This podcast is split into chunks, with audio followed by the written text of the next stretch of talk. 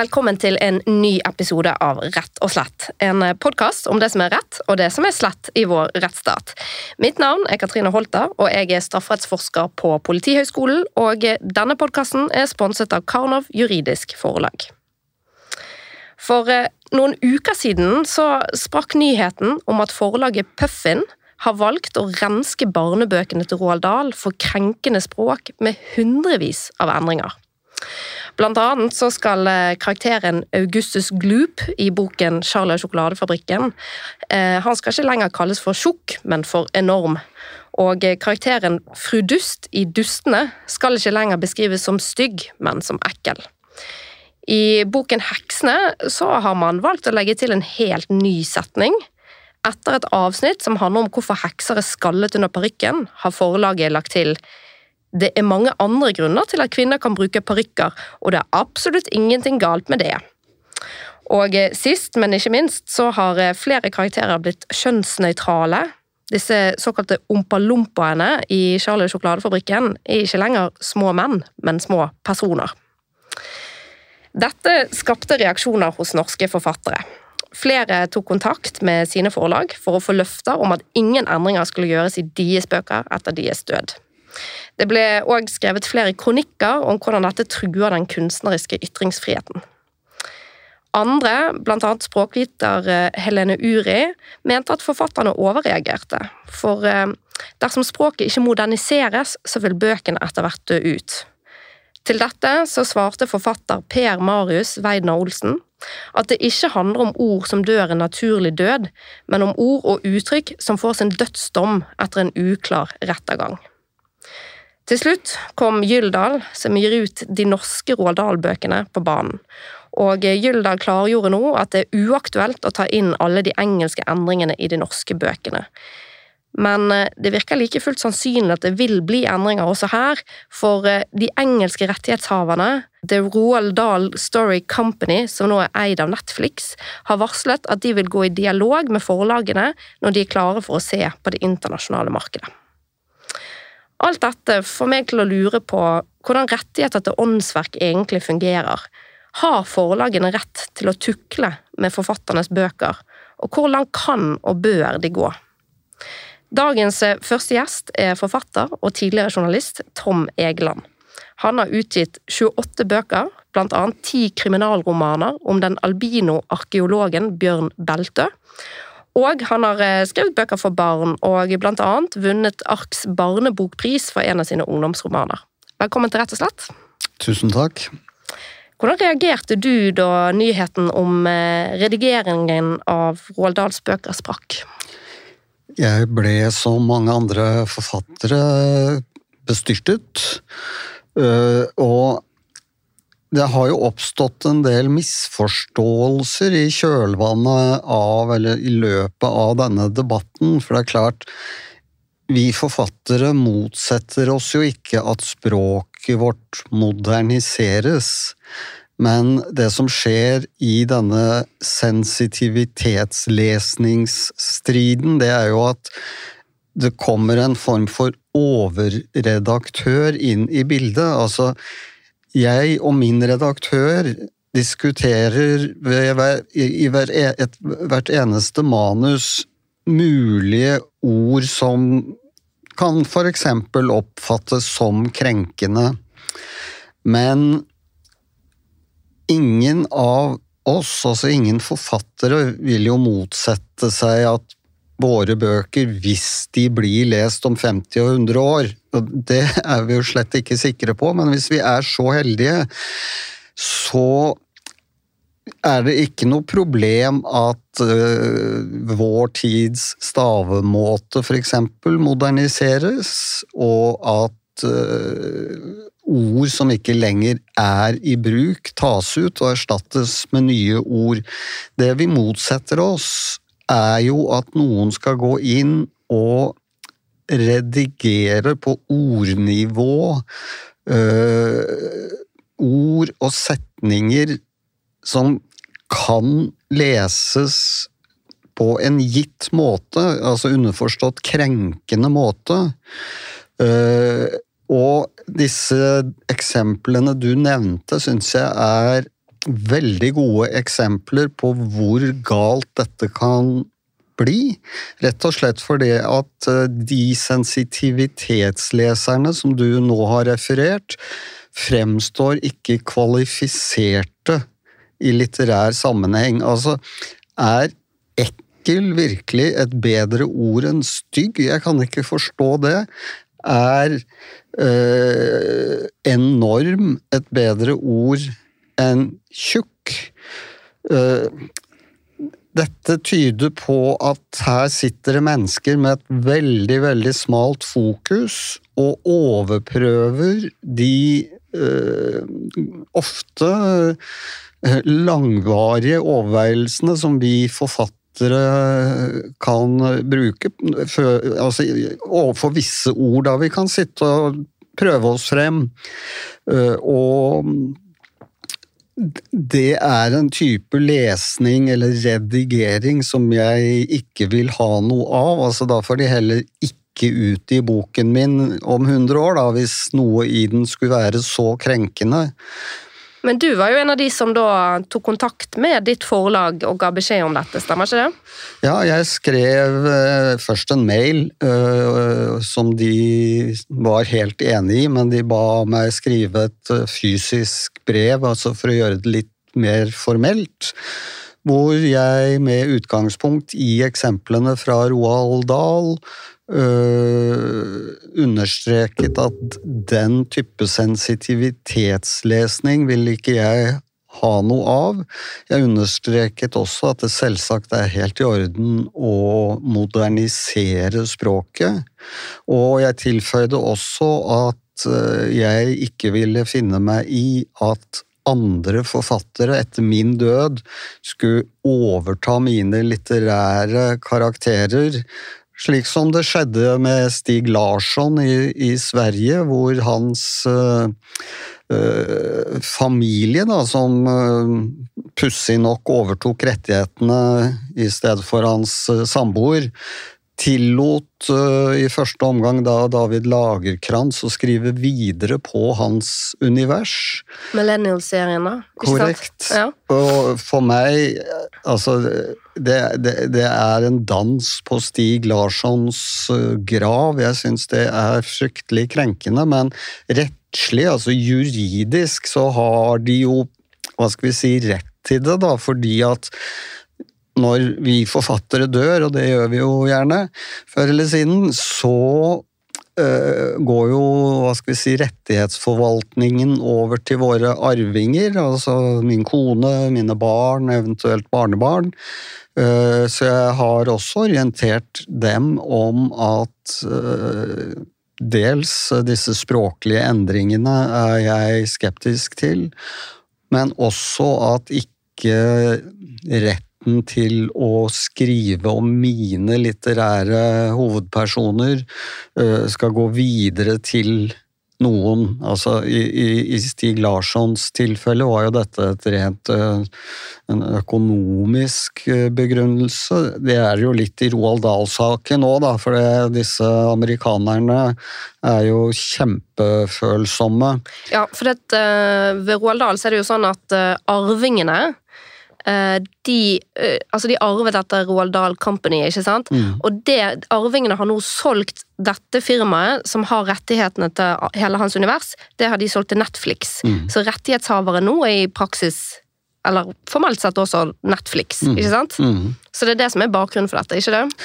Jo, og, og altså, jeg skjønner jo for så vidt arvingene. Altså, det, det, var jo, Jeg husker ikke nøyaktig hva beløpet var, men det var så himmelhøyt at du liksom kan leve mange livstider eh, på en eh, karibisk øy med eget fly og hus og palass og i det hele tatt. Eh, så jeg skjønner jo den menneskelige dimensjonen i det, men prinsipielt er det jo, syns jeg, trøblete. Er jo litt sånn som sant, når du gir Disney konsernet uh, muligheten til å filmatisere et eventyr, så blir jo dette eventyret trøkt inn i en sånn Disney-mal med liksom et, altså, Du kjenner jo igjen enhver Disney-film. Du har alltid en sånn morsom hjelper, en sånn sidekick. Du har definitivt happy ending. Uh, og altså, det er vel og bra, det, men, men som forfatter øh, vil ikke jeg være så fortrolig med at øh, si Disney i, hypotetisk da skulle overta en av mine fortellinger og dytte den inn i sin mal.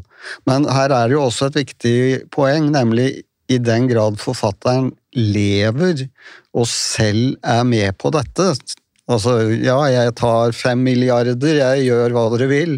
Det er jo én ting, men når forfatteren er død, så synes jeg det er problematisk når disse endringene skjer over forfatterens hode. Mm. Og eh, vi hører jo her, eh, eller i hvert fall juristene som hører på denne podkasten, eh, gjenkjenner jo at det er juridiske problemstillinger som ligger under her òg. Eh, og derfor er det veldig fint at jeg har fått med en eh, jusprofessor i studio i dag. Dagens andre gjest er Olav Torvund. Han er professor i immaterialrett på Universitetet i Oslo, og han er da med andre ord ekspert på opphavsrett. Velkommen også til deg. Takk. Kanskje du starter med å si litt hva opphavsrett er for noe? Ja, altså, Opphavsrett det verner jo på en måte resultatene av en skapende innsats, f.eks. det som forfattere skriver. Og et de, åndsverk, ikke sant? Et åndsverk, ja. Og jeg holder meg til litteratur, så jeg snakker om forfatter nå, og ikke opphaver, som er det mer generelle begrepet. Eh, for det omfatter jo musikk og billedkunst og, og veldig mye i dette. men nå holder jeg meg til litteratur.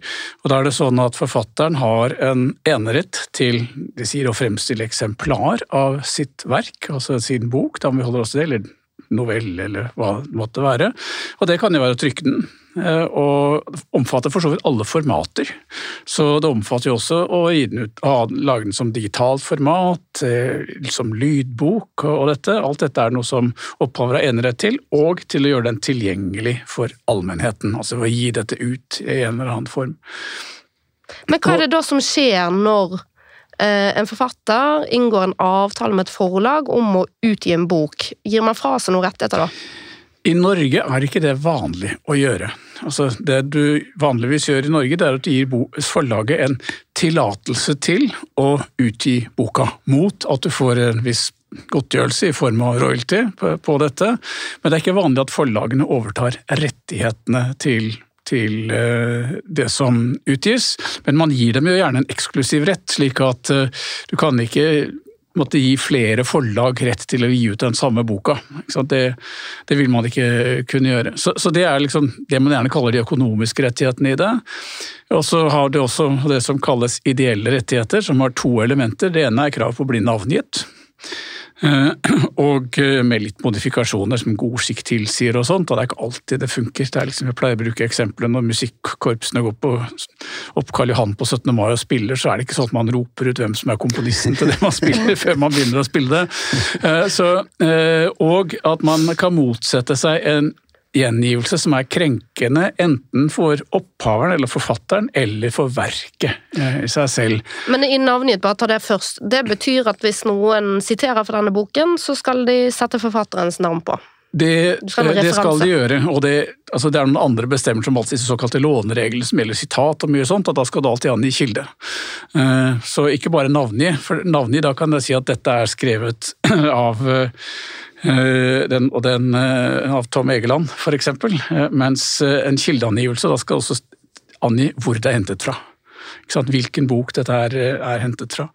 Så øh, man skal navngis på dette. Og så er det jo sånn at ingen har rett til å endre et verk. Eh, altså, nå har Tom Egeland forklart at han har dialog med, med sine redaktører om, eh, om, dette, og det vil man jo gjerne være. og det er jo sånn at it takes two to tango, altså slik at Hvis et forlag sier at ja, men vi vil ikke gi ut denne boken på nytt med mindre gjør de og de endringene, ja, så står man i grunn med valget mellom å ikke gi ut boka eller å godta de endringene som forlaget eventuelt måtte ønske ja, å gjøre. I, så rettigheter og, og i praksis det er ofte to forskjellige ting?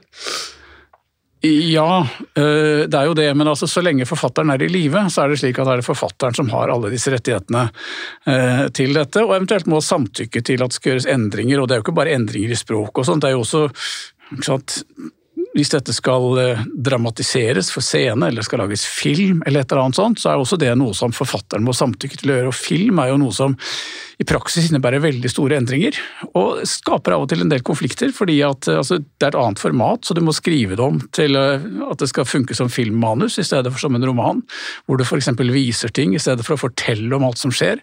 Og så er det en viss sånn interessemotsetning der mellom forfatteren, som tenker det er en filmatisering av min bok, regissøren, som tenker at den boken er utgangspunktet, men det er min film, og produsenten, som liksom er, har litt sånn forlagsrollen i dette, som er den som skal liksom, sørge for at dette går rundt økonomisk og sånne ting. Og Der ser man jo at det er en del konflikter. Det har ikke vært kjenner ikke til at noen av de har havnet sånn, som rettslige konflikter, men at samarbeid har øket og sånt, i den type ting, det har man sett en del, en del eksempler på. Mm. Men så er det jo når forfatteren dør, eh, så er det arvingene som overtar etter de alminnelige arvereglene eh, ja, i, det, i, dette. For det er egentlig tre ulike tidsperioder vi kan snakke om her, sant? som påvirker rettighetene. Så du har den tidsperioden der forfatter lever, ja. og der forfatter da må samtykke. sant? Ja. Og så har du tidsperioden etter hans død, men før det er gått 70 år. Ja. For det er sånn at Opphavsretten den varer i 70 år etter norsk lov etter forfatterens død. Ja. Og så er det fasen etter det. Ja. Hvis vi kan først ta den siste fasen, 70 år etter en forfatters død, kan man gjøre hva man vil med bøker? Nesten. Altså Det heter at de ideelle rettighetene fortsatt består i viss grad. Hva betyr det? Eh, det betyr at du har plikt til å navngi. Eh, og du kan ikke, du kan ikke altså Hvis du tar forfattere som er fri i dag, så kan du ikke gi ut Ibsen uten å si at det er Ibsen. Eh, så det vil fortsatt være plagiat å gjøre det? Ja, og altså, nå kan man jo eh, altså, Plagiere kan man jo for så vidt gjøre. Altså, da, fordi at altså, det som Plagiat er ikke et rettslig begrep, men altså det å ettergjøre dette her, bearbeide det, det, det, kan du godt gjøre uten samtykke fra noen. Det er ikke noen du behøver å spørre om lov til å bearbeide dette. Linn Skåber sa en gang når liksom, hun snakket om denne konflikten hun har hatt med Samuel Beckets arvinger, om en vi venter på Godot, så hevdet hun at det neste hun hadde tenkt å gå løs på, etter hun har laget dette stykket mens vi venter på noe godt, sånn at det neste, neste hun hadde tenkt å gå løs på, det var dukkehjem, og gjøre det til et homofilt par. Eh, om hun gjør det, så det, det, vet jeg ikke noe om, men det sa hun iallfall at hun hadde tenkt å gjøre. Eh, og sånne endringer kan man nok eh, for så vidt eh, gjøre. og du kan... Når det har gått 70 år. Når det har gått mer enn 70 år etter dette her. Også da så gjelder dette at du ikke kan gjøre noe som er krenkende. altså Vi har det såkalte klassikervernet, at noe ikke kan være krenkende for verket eller forfatteren. Det er ikke noen arvinger eller noe sånt som kan styre med det, da er det Kulturdepartementet som kan forby denne utgivelsen, eventuelt. Og hvem som helst kan klage. Jeg er ikke noe glad i den bestemmelsen, for um, altså sporene skremmer litt. Det er liksom sånn at Noe av det som har blitt forbudt i medhold av dette her, det er som Duke Ellingtons eh, Grieg-innspillinger. Arne Domnerus innspillinger av Ja, vi elsker og sånne ting. Uh, og jeg mener nok at altså, hvis et verk er interessant 70 år etter at opphaveren er død altså en av de siste som falt i det fri fra nyttår av, var Knut Hamsun, som døde i 1952. Eh, og, og altså, Hvis verkene fortsatt er interessante når det har gått mer enn 70 år siden de døde, da tåler de verkene å bli herjet en god del med. Og altså, uansett om man likte liksom, Duke Ellingtons Grieg-innspillinger eller ikke, det er verken den beste Grieg-innspillingen eller det beste jeg har hørt med Duke Ellington, akkurat det der. men Griegs musikk står der, altså. Og det, mm. den viktigste grunnen til at vi husker akkurat de Duke Ellington-innspillingene, er jo fordi at de ble forbudt. Eh, for det er, det er, liksom, det er ikke den beste fra, fra, noen av dem, og jeg tror at det tåler de. Herjer du med Ibsen, han tåler det, og hans verk står uansett. Eh, etter dette. Er du enig i dette, Tom? Ja, altså, du har jo en parallell, egentlig, i, i altså, musikkverdenen i dag, altså dette som kalles sampling, altså hvor en artist henter ut kanskje bare noen sekunders frase fra et annet verk. Uh, Madonna for noen år siden hun spurte jo om lov, da, og fikk lov av ABBA til å bruke et sånt syntriff fra Gimme, gimme, gimme, som jo ble uh, helt sentralt i hennes uh, egen poplåt, som også ble en hit. Da. Uh, dette skjer jo, og det skjer jo selvsagt i litteraturen, ikke minst sakprosaen, hvor dette med, med, nettopp sitering og hva skal vi si, kreditering står sentralt. Og vi har jo historisk også i skjønnlitteraturen men særlig i sakprosaen hatt debatter der noen forfattere har forsynt seg vel grådig av kollegers verker, og i farten har glemt å navngi eller kreditere kildene. Uh, og det er jo tillatt å gjøre bruk av andres verk. altså Det heter vel, hvis jeg nå siterer åndsverklovens paragraf 6 annet ledd, hvis man skal ha det, henvisningen til det, at eh, man kan utnytte et eksisterende verk slik at et nytt og selvstendig verk oppstår. Vi har jo et interessant eh, altså rettslig eksempel eh, da Dan Brown, etter å ha skrevet Da Vinci-koden, jo ble saksøkt av eh, tre britiske journalister som hadde skrevet en bok som het Hellig blod, hellig gral. Den utkom på 90-tallet, tror jeg. Jeg brukte den selv som forelegg for min roman som het Sirkelens ende.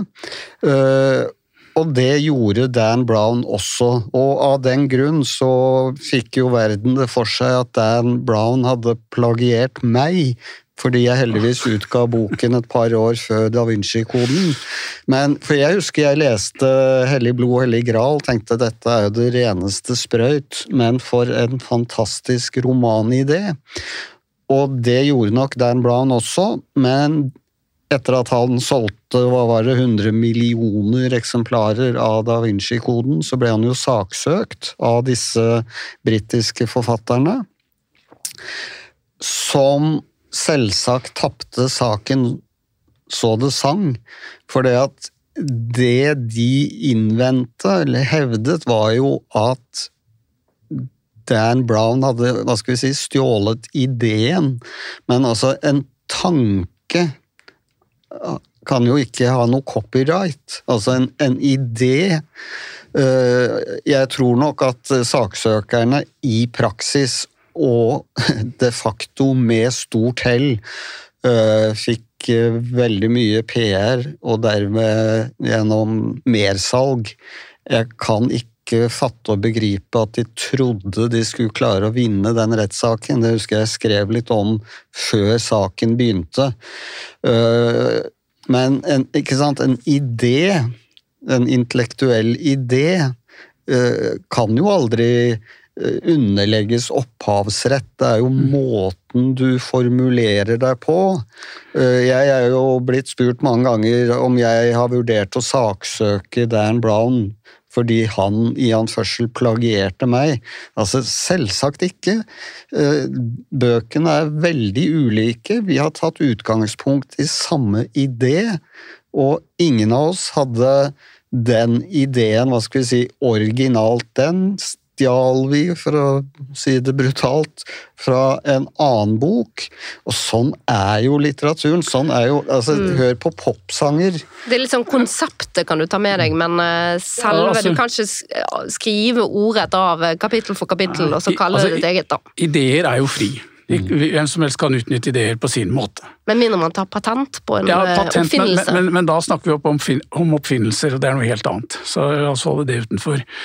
Nå påstår vel Dan Brown i den saken at han ikke hadde lest den boka. Bare det kan, man, det kan man tro han på eller ikke, Nei, ikke det spiller ingen rolle. Eh, det er jo én ting til der, og det er altså kunnskap er fri. Du kan jo hente kunnskap fra hvor du vil. Og disse som hadde skrevet den boka 'Hellig blod, hellig gral', de påstår jo at dette er kirkehistorien slik som den katolske kirken prøver å undertrykke den. Altså det, er liksom, det, det er jo den egentlige historien som de prøver å holde hemmelig. Så de påstår at dette var sant. Eh, at dette var historien som den egentlig var. Eh, og hvis de hadde sagt at ja, dette er noe vi har funnet på selv, ja, da kunne man nok satt andre som ville liksom basere på det samme, men de sa at dette er ikke diktning, dette er historieskrivning og historieforskning. Ja, men vi skal tilbake til dette her med sant? Altså at uh, opphavsretten den gjelder og den har forfatteren i um, Den tilligger forfatteren og forfatterens arvinger da, ja. 70 år etter mm. forfatterens død. Um, Og Men eh, kan bare si litt ja. om disse arvingene også? ja, for hva er det som skjer? For det, altså, En opphavsrett kan altså gå i arv, og følge, det følger vanlige arveregler. Det følger vanlige arveregler i, i dette. Så man kan testamentere det til andre enn sine livsarvinger. Det kan man godt gjøre, og da skal jeg ikke gå inn i arvereglene rundt dette. Men det er noen særregler her. Eh, Det ene er at eh, hvis det er noe som tidligere ikke er utgitt, så må Altså Arvingene overtar alle rettighetene. De er opptrer som, opp, som skulle være opphaveren eller forfatteren selv når det gjelder forvaltning av rettighetene. Men hvis det er noe som tidligere ikke har vært utgitt, så må samtlige arvinger samtykke til at det skal gis ut på nytt. Og Det, det dukker jo av og til opp. altså For en del år tilbake så var det en del fall debatt rundt noe som ble gitt ut noe som Ernst Hemingway hadde skrevet, som eh, tidligere ikke var utgitt. Og jeg vet ikke hvordan retten er i USA på dette punktet. Eh, Men, men klart det kan være problematisk hvis eh, Jeg kjenner ikke detaljene i saken, men, men hvis dette er noe som han selv mente at dette er ikke godt nok til at det gir ut, og så, blir, så ser noen arvinger at her er det mulig å tjene penger på det, og så gir de det ut likevel. Det Men på, på den annen side, altså Frans Kafka ba jo sin venn, broder, om å brenne sitt samlede forfatterskap, som da Det som ikke var utgitt, Da, ja, det var ikke utgitt. Kafka døde, men på dødsleiet ba han eh, sin venn Max Broder, tror jeg han het, eh, brenn dette. Han leste det, så dette er jo genialt, og utga det. Så debatten har jo mange sider. Ja, ja. Altså, Nei, vi kan vi hadde jo gått glipp av prosessen og slått det, hvis, Ja, hvis han hadde sant? fulgt og, Kafka. Ja, og novellene hans. Ok, men så vi har da en situasjon der eh, arvingene de trer inn i de samme rettighetene som forfatteren ville ha, Ja. som opphaver. Og det betyr i utgangspunktet at eh, arvingene de må samtykke til alle endringer. Eh, nei. Altså hvis de skal, alle må samtykke hvis det skal gis ut noe som tidligere ikke har vært gitt ut. Ja. Eh, Mens hvis det skal gis ut som det heter i en annen form, altså det med endringer, eller noe sånt, så skal det være et flertall som sier at dette er, eh, at det er Og da regner man flertall ikke etter antall hoder, men dette arvelodd, som det heter. Altså de som har arvet mer enn 50 utgjør flertallet i, i, i- en sånn sammenheng. Det er tilstrekkelig at de gjør det, og de vil da kunne samtykke til at eh, man gjør endringer i teksten, for så vidt at det filmatiseres og, og, og sånt i, i Men dette her. Men Kan forlaget gjøre noen uten samtykke? Nei, forlaget kan ikke gjøre det. Eh, Så De kan si nei, dette vil vi ikke gi ut, men, de har ikke rett til å gjøre dette selv. De må ha samtykke fra arvingene. Men en opphaver, en forfatter, kan også gjennom et testament bestemme at det og det skal gjelde for mine verk. Kan bestemme at det skal ikke endres, noe av dette. Altså det skal ikke utgis i endres form. Eh, Så forfatter kan på en måte mm, legge bånd på arvingene. Det kan de gjøre. Og, og, eh, men da må man velge testamentsform, og den er bindende. Og da er det sånn at øh, altså det er noen Visse grupper arvinger er liksom rett opp nedstigende linje, altså foreldre, barn, barnebarn, øh, eventuelt gjenlevende ektefelle, søsken som kan påklage dette. slik at det er ikke noe offentlig instans som håndhever at man følger den type testamentsbestemmelser, men hvis det er flere arvinger, og da i den nærmeste kategorien, så kan en av dem si at nei, dette har eh, far, farfar, morfar, mor sagt at ikke skal gjøres. Og, og jeg nekter at dette skal gjøres, selv om alle de andre er for, så, så er man da bundet av dette her. Det vil heller ikke gjelde når det har gått 70 år, da, da, da har man heller ikke det. Slik at hvis man skal ha noe som er rettslig bindende, så må man bruke testamentsform. Og det, det kan man gjøre, og det, og det er vel det som Beckett har gjort, så vidt jeg vet, eh, og som da har sagt at hans skuespill skal ikke oppføres med ja, altså, Beckett, eh, Samuel Beckett, ja, altså irsk eh, forfatter, dramatiker, og som da bestemte at hans skuespill skal ikke oppføres med skuespillere av annet kjønn enn det det er skrevet for. Så når Linn Skåber ønsket å sette opp mens vi venter på Godot sammen med Ine Jansen, eh, så fikk de ikke lov til det, at den er skrevet for to menn, og det at to kvinner skulle spille mens vi venter på Godot, det var i strid med bestemmelser i Samuel Beckets eh, testament, og da, da sitter det noen og vokter over dette, eh, slik at de fikk ikke lov til, til å gjøre det. Og det kan, det kan man bestemme. Og det vil jeg husker ikke hvilket år Samuel Beckett døde, det tror jeg 83 eller noe sånt. Det er, det er, så det, det er en del år til, til hans verk er fri. Eh, men sånn, fram til det så må man respektere hans testamentariske bestemmelser om dette, og man kan ikke sette opp eh, Jeg vet ikke om han har skrevet noe skuespill for kvinneroller i det hele tatt, ja, men jeg kjenner ikke hans forfatterskap så godt.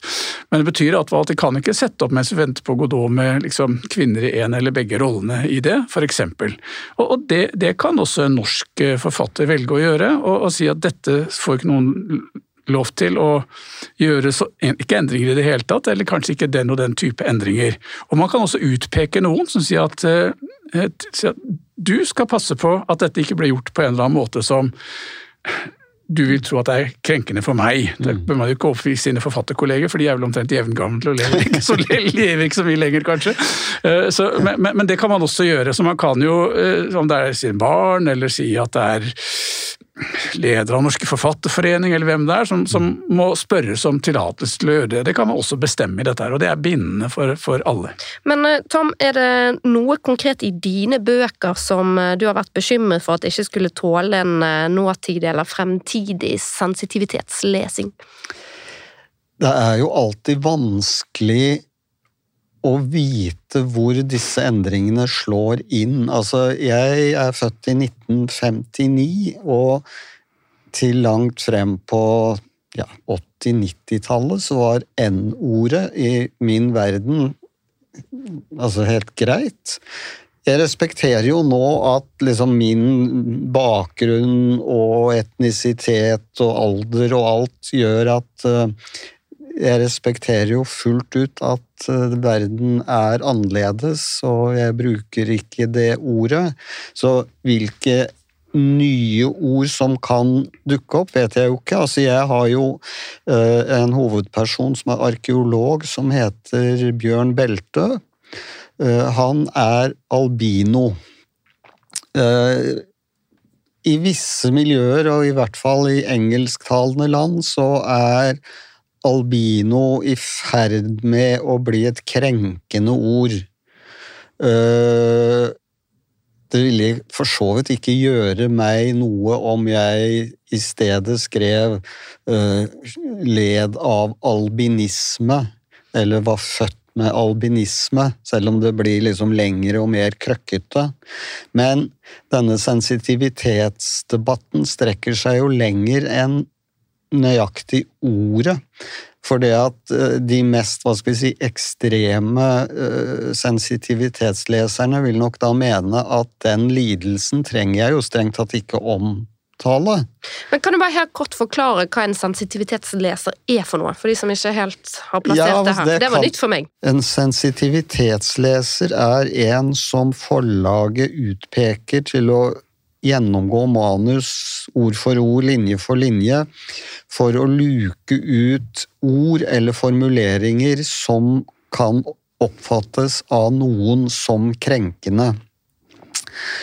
Og uh, i hva skal vi si, vår tid, da, altså med woke-kulturen, altså det er liksom engstelsen for å si noe feil om grupper av mennesker, så har eh, Kanskje ikke så mye i Norge, men eh, det angloamerikanske samfunn er jo veldig gjennomsyret av denne lesningen.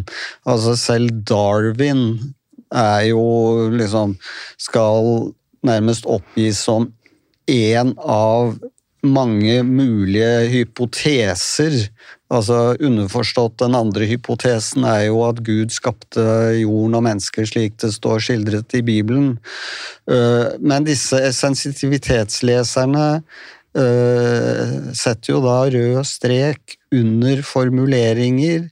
Men jeg syns de eh, Altså, de, de, de, de, skjøtter ikke engang det oppdraget bra. Altså Når de f.eks. i Ian Flemmings, en av hans romaner om James Bond, så er det en skildring av gamle, kåte gubber på et striptease-show, hvor Flemming da skriver noe sånn som 'de gryntet som griser'. Det syns jeg er, eh, om, et, om, om enn et plumpt bilde, så liksom Ja, ok, gamle, gubbete griser. Det har de endret til at stemningen var elektrisk. det er jo noe helt annet. I mitt hode så er det også positivt. Altså, wow, stemningen er elektrisk. Liksom, oi, fine damer. Så her har de jo da tatt bort et litt sånn grovt bilde av disse plumpe, siklende, gamle mannfolka, og erstattet det med noe helt annet, som faktisk forvrenger Flemmings bilde. Ja. Og, og, så, Og formålet med sensitivitetsleserne, formålet deres er jo da at eh, de skal gjøre bøkene mer salgbare, og for forlagene så er jo målet at de skal tjene mer penger og selge mer bøker, ikke det sånn? Jo, det kan du jo si er det markedskreftene her? Som uh, får styre? Ja, ja men, men kanskje i stor grad, i hvert fall i det angloamerikanske samfunn, eh, en, en, en sånn i mine øyne misforstått sensitivitet for alt som potensielt kan krenke. Men litteratur har jo alltid krenket, det ligger jo litt i skjønnlitteraturens natur å krysse grenser og kanskje være krenkende. Ja, det er en jeg kjenner som sa det godt, syns jeg, at vi lever i en slags eh, nypuritansk tid, der mm. man skal på en måte renske språk og alt for alt som kan virke krenkende for noen, men hensikter er jo ganske viktig, syns jeg, da, som har eh, brukt mye tid på hensiktsbegrepet i min forskning. Men det er fristende å legge til at jeg syns jo mange av disse som sensitivitetsleser, de føler seg jo krenket på vegne av andre, ikke på vegne av Ja, seg det er selv. Mm. Ja, det er, det, er, det er veldig mye av det. Absolutt. Eh, Og samtidig så er det ikke bare ordene, egentlig. Altså, det er jo litt, altså, jeg er noen år eldre enn Tom, eh, men, men eh, ikke sant? det er mye av det jeg vokste opp med, som jeg i hvert fall ikke ville gitt ut i dag, og det kan ikke bare endre ord heller. Altså, jeg, men jeg har vokst opp med sangen om Vesle Hoa som var en ekstra hottentott, og fortellingen om Lille svarte sambo, og veldig mye annet rart som ikke liksom bidrar til kulturell forståelse. Og man har jo en del gammelt som for så vidt lever videre. altså Shakespeares Otello fremstilles jo som, som maurer, altså farget mm. svart i, i dette. Og det er vel egentlig noe som eh, på en måte er eh, altså Det gjøres ikke noe veldig mye ut av det, annet enn at det er noe som bidrar til å få fram hans utenforskap i den fortellingen. Og i, går vi til Mozarts Tryllefløyten, så er Statio, er det det han heter, som også er fremstilt som maurer, og til og med har en replikk som sier at ingen liker meg fordi jeg er svart og stygg, eller noe sånt.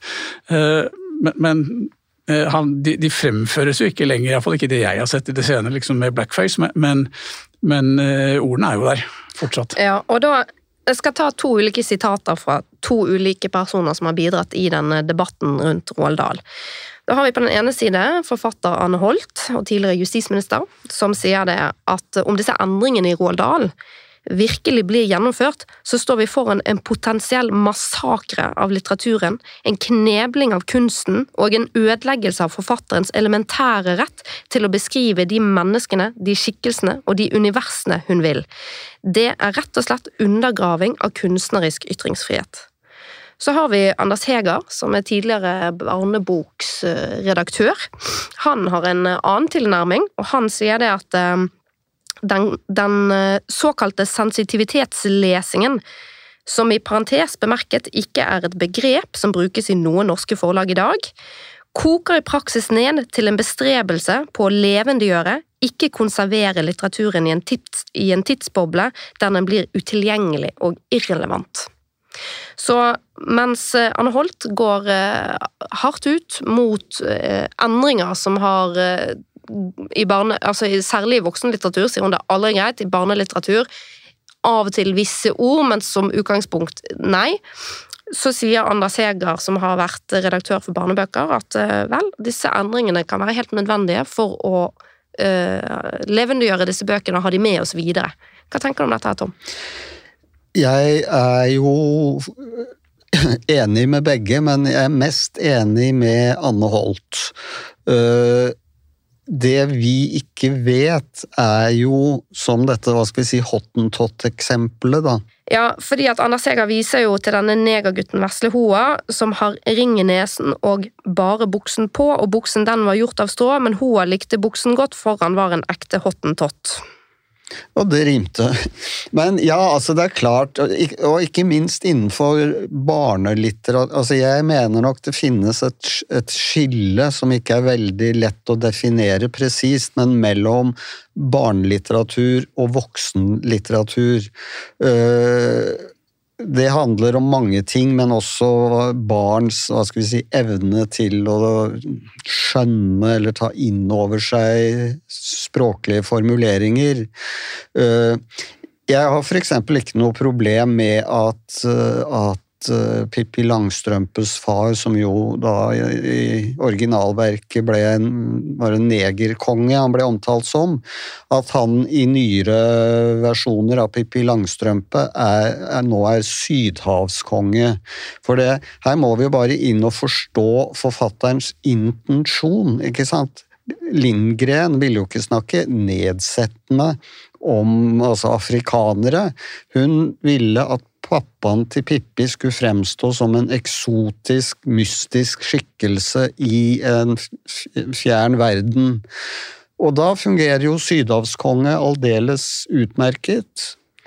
Mens i... Ja, og her er det jo òg viktig, hvis jeg bare kan skyte inn um, Vi hadde jo faktisk i norsk lovverk Jeg skrev, uh, holder på å skrive lovkommentar til slaveriparagrafen, og da har vi en lov som heter lov om negerhandel. Uh -huh. Den ble opphevet kun for ja, jeg vet ikke om det er 10-15 år siden, eller noe sånt, og det var ikke av navnet, men fordi at det ikke var behov for den lenger. Så, og jeg var nesten litt sånn usikker på om jeg skulle kunne referere til denne loven i det hele tatt, av krenkende navnet. Ja. Det er jo vanskelig med disse krenkende navnene, altså hva som er politisk korrekt. Jeg hørte, både lest langt intervju og hørte det der Vinter i P2 med, med Elias Akselsen. Eh, og som hele tiden omtaler seg selv som tater. Men jeg er ikke sikker på om det er liksom den politisk korrekte betegnelsen på den, på den folkegruppen nå, altså selv om han konsekvent omtaler seg selv som det. Og sånn er jo språket. altså Det er jo en plastisk, eh, litt sånn udefinerbar ting. Eh, og det skal vi jo ha respekt for. Problemet med sensitivitetslesere er i mine øyne at de går altfor langt, og som det ble nevnt, de er eh, sensitive på vegne av andre. Det er litt som at den sensitivitetslesningen burde kanskje vært litt mer sensitiv overfor kontekst. altså. Eh, for, for den, Noe av dette er jo greit, og jeg er helt enig med Tommy i dette Pippi Langstrømpe-eksempelet, som jeg også syns er greit. Og også dette her at eh, ja, Særlig når det gjelder overfor barn, eh, men også ellers at man så å si flytt, gjør det sånn at det fremstår som ikke arkaisk, men, men, liksom noe sånn litt mer aktuelt, og som er relevant i dag. Altså, at Det kan jo være greit, men det er et spørsmål om måten det gjøres på. Ja, hadde jeg, og, skal jeg lest... skyte inn én ting ja. til, og det er når vi snakket med Roald Dahl og hvordan altså, I Norge er det jo ikke vanlig med den type overdragelse av rettigheter. slik at der, der, vil det være arvingene. Det er, det er, ikke sånn som man jo ser stadig mer av i særlig USA, men også til dels England, at man overdrar rettighetene til særlig mange Eh, låtskrivere nå som å, å selge rettighetene sine for avsindige summer til sånn investeringsselskaper, som gir meg grunn til bekymring, for de er liksom det som Frank Zappa kalte en av sine plater 'We're only in it for the money'. Mm. Uh, og, og uh, hvordan de skal håndheve disse rettighetene, det bekymrer meg. Mm. hvordan vi ser det. Mm. Men det har vi ikke i Norge, heldigvis. Så, så Du forstås med arvingene, men, men, ikke sånne investeringsselskaper som har tatt over rettighetene på samme måte som vi ser i USA til dels i England. Men da er det altså en vesensforskjell her mellom barnelitteratur og voksenlitteratur. Og um, for barnelitteratur så tenker jeg i alle fall at hvis det hadde stått uh, negerkonge, så ville jeg hoppet over det ordet mens jeg leser det for barn. Mm. Uh, så det er veldig forståelig at uh, det, det, gjør man ikke. Men for voksne, da, så er vi kanskje inne i det som eh, Anne Holt igjen får vise til hun. Altså, hun sier jo at det, det, får jo være måte på åndelig latskap å tilskrive leserne. Eh, altså, man kan jo nærmest slutte å lese bøker, sier hun, hvis ikke man, man klarer å forstå for eksempel Knut Hamsun eh, i sin tid, og på en måte at man skal oppjustere det. Altså, det er jo noe med kulturarv her òg, da. Altså, det er jo sånn, for å bruke Hamsun som eksempel uh, altså, Han var jo rasist, får vi formode. Måten han omtaler samer på, eksempel. Som lapper, ikke det? Som lapper, og, ja. og, men også liksom, hva skal vi si, hele hans tilnærming. Men jeg mener jo at du kan ikke, hva skal jeg si, rette på Hamsun. Altså, du må godta Hamsun for den han var, og den tidsånd han representerte. Ja, for det blir jo en historieomskriving, blir det Ja. ikke? Og altså, selv jødehatet var jo utbredt i Norge helt frem til både krigens dager, og på en måte kan vi jo si at det fortsatt øh, vi sliter med det. Øh, men, men, men og, ja, og rundt andre verdens- verdenskrig så sier man jo gjerne liksom vi må aldri glemme, ikke sant? Men Ja. hvis du da skal skrive jødehatet ut av de bøkene Ja, så forsvinner jo Altså, både forsvinner jo den historiske kunnskap, men det verket skildrer jo en tid med holdninger som vi i dag kan være veldig kritiske til og, og avsky. Men for å forstå den tiden, så kan man ikke hva skal vi si, bruke viskelær eller rødblyant og bare fjerne alt som faktisk preget den tiden. Altså, da blir vi jo til slutt historieløse. Selv Rudolf Nilsen, jeg tror det er det diktet som heter Den nye dressen, omtalte kleshandleren som klesjøden. Ja. Jeg tror ikke det står det i nyere utgivelser nå, tror jeg det står kleshandleren. Så der har det nok vært noen sånn sensitivitetsleser inne. Men går man tilbake til Rudolf- Nilsens original, så står det klesjøden i, i dette. Og så er Hamsun problematisk, Richard Wagner enda mer. Mm. Men når du skiller mellom barn og voksenlitteratur, så har vi de som er imellom, da. Og det er jo Ingvar Ambjørnsen som har gått ut her, han skriver mye for ungdom. Mm. Og der er det jo litt i en sånn mellomkategori, ikke sant. Eh, Og, og hvordan man liksom forholder seg til en ikke barn, men en ung lesekrets. og sånt, og det, igjen, det, er, det blir jo veldig mye spørsmål om hvordan dette gjøres. altså at Gjøres dette på en ordentlig og fornuftig måte? Og så blir det en del litt sånn litt grelle eksempler på ikke-sensitiv sensitivitetslesning. Ambjørnsen har jo en roman med tittelen Hvite Hvite, niggere. Men det er klart at fra hans side, også da han skrev den romanen for en del år siden, så ligger det jo en bevisst provokasjon i valget av ord. Jeg klarer jo ikke å, å, å, å skjønne hvordan en sånn provokativ tittel skal omskrives, for det at det er jo dens natur å være provoserende. Um, det finnes et opptak fra 1990 som er fra åtte år før Roald Dahls død, der han skal ha sagt Jeg har advart forlagene mine om at dersom de senere så mye som endrer et enkelt komma i en av bøkene mine, vil de aldri se et nytt ord fra meg. Aldri. Noensinne. Når jeg er borte, hvis det skjer, så ønsker jeg at mektige Thor banker veldig hardt i hodet på dem med Mjølner. Eller jeg sender den kjempestore krokodillen for å sluke dem. Og i denne samtalen så sier hans venn eh, Francis Bacon det må ikke skje endringer i en kunstners originale verk når han er død, uansett grunn. Råldal svarer da. Jeg håper bare for Guds skyld at det aldri vil skje med noen av mine tekster mens jeg ligger komfortabel i min vikinggrav. Hvilken betydning har det at Roald Dahl sjøl ga uttrykk for at han ikke ønsket endringer av bøkene sine, rettslig sett? Ja, det, altså for det første, Hvis det skulle vært bindende, hadde vært, hvis vi snakker om Norge, så måtte han brukt testament. Altså Et, et uttrykk for det, så, som mange forfattere sier vi har gjort, snakket, fortalt til våre familie og forlag og sånn. Altså Det vil ikke være bindende når det kommer til stykket. Selv om ikke Hva om forlaget aksepterer det, ikke da en bindende kontrakt, eller eh, går den Kanskje det, eh, kanskje det. Men det er i hvert fall, altså det som på en måte vil være bindende for alle, om det skulle vært et nytt forlag som man gikk til, eller noe sånt, ville være hvis man valgte å bruke testament. Men altså, hvordan dette vil være i England, for sånn, selv om Roald har hadde norske røtter, så var den jo engelsk, først og fremst. Det, det vet jeg ikke. Der er det ganske annerledes. Arvereglene er ganske annerledes der, og også opphavsretten er ganske annerledes der, så jeg vet ikke hvordan man vil forholde seg til det. Så er det selvfølgelig spørsmål om vil respektere det, og det jeg syns jo man burde gjøre det. Hvis han klart har gitt uttrykk for at jeg ønsker ikke at skal gjøre sånne endringer, så syns jeg at det er noe man bør respektere, men man har ikke noen garanti for det, og de vil ikke være, igjen med referanse til norsk rett, vil ikke være bundet av det. Med mindre, altså Forlag kan være bundet av en klar avtale, men går det til et annet forlag, så har du ikke avtale med dem. Men et testament vil jo da gjelde i forhold til alle. Ja, og nå har vel forlaget sagt at de skal fortsette å gi ut eh, de originale versjonene, da. Men eh, like fullt skal de gjøre disse endringene, virker det som. Ja, og jeg tror ikke at norske forlag i overskuelig fremtid vil gå i gang med dette. Eh, som jeg sa tidligere, jeg tror dette først og fremst er et angloamerikansk fenomen. Jeg kjenner ganske mange forleggere og redaktører, og denne debatten er like fremmed for dem som den er for de fleste forfattere. Eh, grunnen til at jeg skrev til mitt forlag, var jo vel så mye for å sette søkelys på tematikken. Uh, altså Nå sitter vi her i denne podkasten og diskuterer det. Jeg hadde sittet i Dagsnytt 18 og diskutert det. Uh, avisene omtaler det, kommentatorer skriver om det.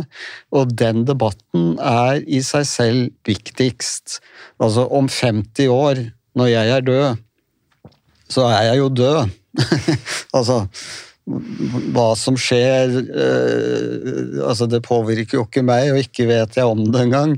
Men det er viktig at ja, den hva skal vi si, ny generasjon forlagsredaktører og forleggere, forfattere, tenker over dette, har et forhold til det, er, er seg bevisst at liksom, Er dette greit? Hvem skal vi spørre? Skal vi spørre? Hvilke ord liksom, N-ordet skjønner jo alle at det er greit at vi gjør noe med, men hvor på en sånn glideskala skal vi plassere alle de andre ordene som fins i, i, vårt vokabular? da? Så er det det du sier, altså JK Rowling ble spurt om hva en hun var bekymret for sitt ettermæle, og da svarte hun at da er jeg jo død, så det spiller jo ingen rolle ja, eh, i dette. Og Samtidig så tror jeg at eh, altså, det har blitt veldig mye opp oppmerksomhet rundt dette. Jeg tror ikke man skal overdrive det så mye, for jeg tror realiteten er at det er svært få bøker som er kommersielt interessante og vil bli gitt ut på nytt etter at forfatteren er død. Absolutt. Så, så for de fleste så vil dette reelt sett være et, eh, være et ikke-problem, fordi mm. at uh, bøkene gis ikke ut på nytt uh, uansett. Det, men, men, man vet jo ikke hvem. man lever. jo, og, og, da styrer man det selv, men man vet jo ikke hvem som uh, kommer til å leve videre. Altså, du Nei. nevnte Stig Larsson, Tom. Jeg, jeg, har ikke inntrykk av at noen forutså at han skulle bli en sånn bestselger etter sin død. Altså. Så, sånn at uh, liksom, Hvem er det som kommer til å leve, hvis forfatterskap kommer til å leve videre, hvilke bøker som kommer til å leve videre, det er akkurat like vanskelig som å si hva kommer til å bli en bestselger. Det vet vi ikke før mm. liksom, vi ser det. Og så vi nærmer oss den avsluttende spalten, men eh, helt til slutt for å oppsummere. Kan eh, forlaget til Tom gjøre endringer i hans bøker etter hans død, nå når han har eh, gitt forbud om det? Hvis man setter det på spissen rettslig, så kan de antageligvis gjøre det. Det kommer litt an på hva slags avtale han har med det, og så kommer det litt an på hvordan arvingene forholder seg til det. Så hvis man skal være sikker på at dette skal være bindende, så må man velge et velge testamentsform eh, i dette. Men jeg har ikke sett noen konflikter, rettslige konflikter hvor dette har havnet for domstolene, og det er ganske lite sannsynlig at det faktisk vil gjøre også. Så hvordan dette vil bli håndtert i praksis, det er vanskelig å si. Og du er avhengig av at du har noen arvinger i de nærmeste arvingene som vil gå inn og håndheve dette testamentet. Og det er litt prisgitt hva de gjør. Altså det, så hvis uh, barna er enige om at dette gir vi ut, eller dette tillater vi, og ingen vil påta, og vi er enige om at dette er et testamente som mamma eller pappa skrev, det, det nei, var, litt, var litt sprø, så det ser vi bort fra. Ja, så, så er det jo ingen andre som håndhever det, da. Hva med etter 70 år, når vernetiden har gått ut? Da er det jo fritt. Eh, og da, da, altså Det at det skal kunne være liksom krenkende slik at man, Kulturdepartementet vil nedlegge forbud, det skal i alle fall veldig mye til. Mm. Eh, jeg kan ikke komme på noen litterære eksempler på hvor det har skjedd. Det har vært liksom litt, Noe har vært brukt i reklame, vært litt diskusjon rundt Munch og sånt, men da var det noe med at Munchs arvinger tillot så mye rart, så de ville ikke til nedlegge forbud mot uh, andre ting. Og også da har det vært noen musikkeksempler på dette, men jeg kjenner ikke til at dette har vært gjort i, i, i, når det gjelder litteratur, men den står jo der. Og så får vi jo sånne, altså når Wenche Foss forlater Ibsen-oppsetning i protest i pausen fordi hun ikke liker måten den er satt opp på og sånt, det kan jo skje, men altså vi får jo masse sånn kontroversielle teateroppsetninger og sånt, og heldigvis at man liksom kan komme med noen nye tolkninger av, av f.eks. eldre skuespill. Og et siste spørsmål før den avsluttende spalten. Eller ville du skyte inn noe her? Jeg, jeg bare tenkte innenfor billedkunsten, altså for å anskueliggjøre hvor absurd dette egentlig er. Altså, ville noen i billedkunsten gå inn og male over gamle mesterverker for f.eks. å gjøre en farget person hvit, eller for den saks skyld en hvit person farget. Altså, det er jo utenkelig at noen skulle sette en moderne maler til å endre på et, et gammelt maleri. Og det er jo på en måte en slags parallell til litteraturen, men altså i litteraturen er det jo enklere ikke sant, enn en i billedkunsten. Men prinsippet er vel i grunnen det samme? Ja.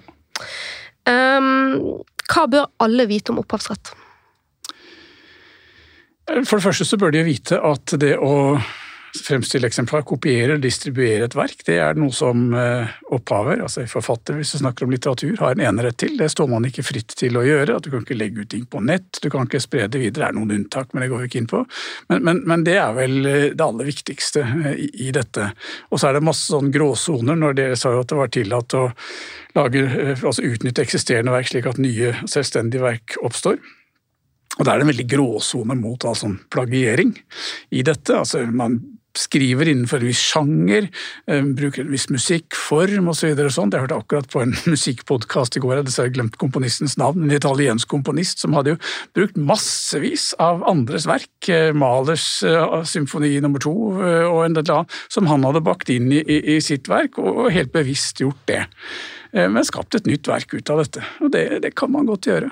Og Alle tar fra hverandre. Ok, da har vi kommet til den avsluttende spalten, og da um, Tom, da kan du få starte. Vil du fremheve noe som du synes er rett eller slett i vår rettsstat?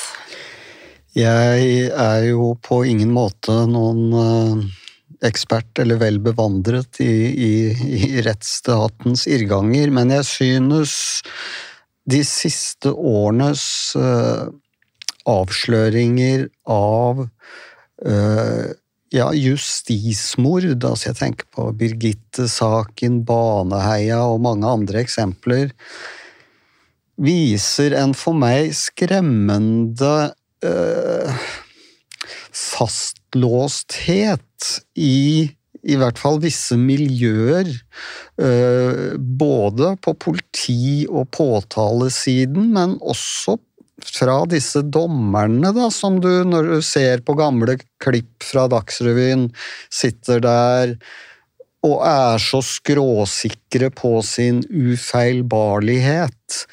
Eh, så i den grad jeg skulle etterlyse noe, både hos politiet, påtalemakten og, og domstolene, da, så må det jo være en større ydmykhet, en erkjennelse av at kanskje vi tar feil. Mm, veldig bra. Olav? Ja, altså, Som jusprofessor så kunne jeg sikkert holdt et veldig langt foredrag om, om hva jeg syns er rett. Eh, men når vi sitter på Politihøgskolen, så er det jo fristende, og det som jeg syns er slett nå, det er ikke minst hvordan politiet har håndtert si, bagatellmessige narkotikasaker med ransakinger og, og, slikt, og også hvordan de har reagert overfor miljøaktivister, særlig hvis man sammenligner med en del andre aktivister, fra Sian og lignende, så syns jeg det er en skrikende kontrast mellom hvordan politiet har opptrådt overfor de gruppene der. Tenker du da på nakenvisitasjoner i arrest? For eksempel det, ja. Og hjemmeransaking, eh, gå gjennom mobiltelefonen fordi at jeg har kjent at du har røyket hasj og sånne ting, også som er helt uforholdsmessig i forhold til veldig bagatellmessige ting. Så Takk for det, og da har vi kommet til veis ende for denne gang. Takk til eh, forfatter Tom Egeland og professor Olav Torvund som bidro her i studio på Politihøgskolen, og eh, takk til dere som har fulgt oss helt til veis ende. Husk å abonnere på denne podkasten, og eh, fortell gjerne om den til en venn, så hjelper du meg med å nå ut til nye lyttere. Vi høres!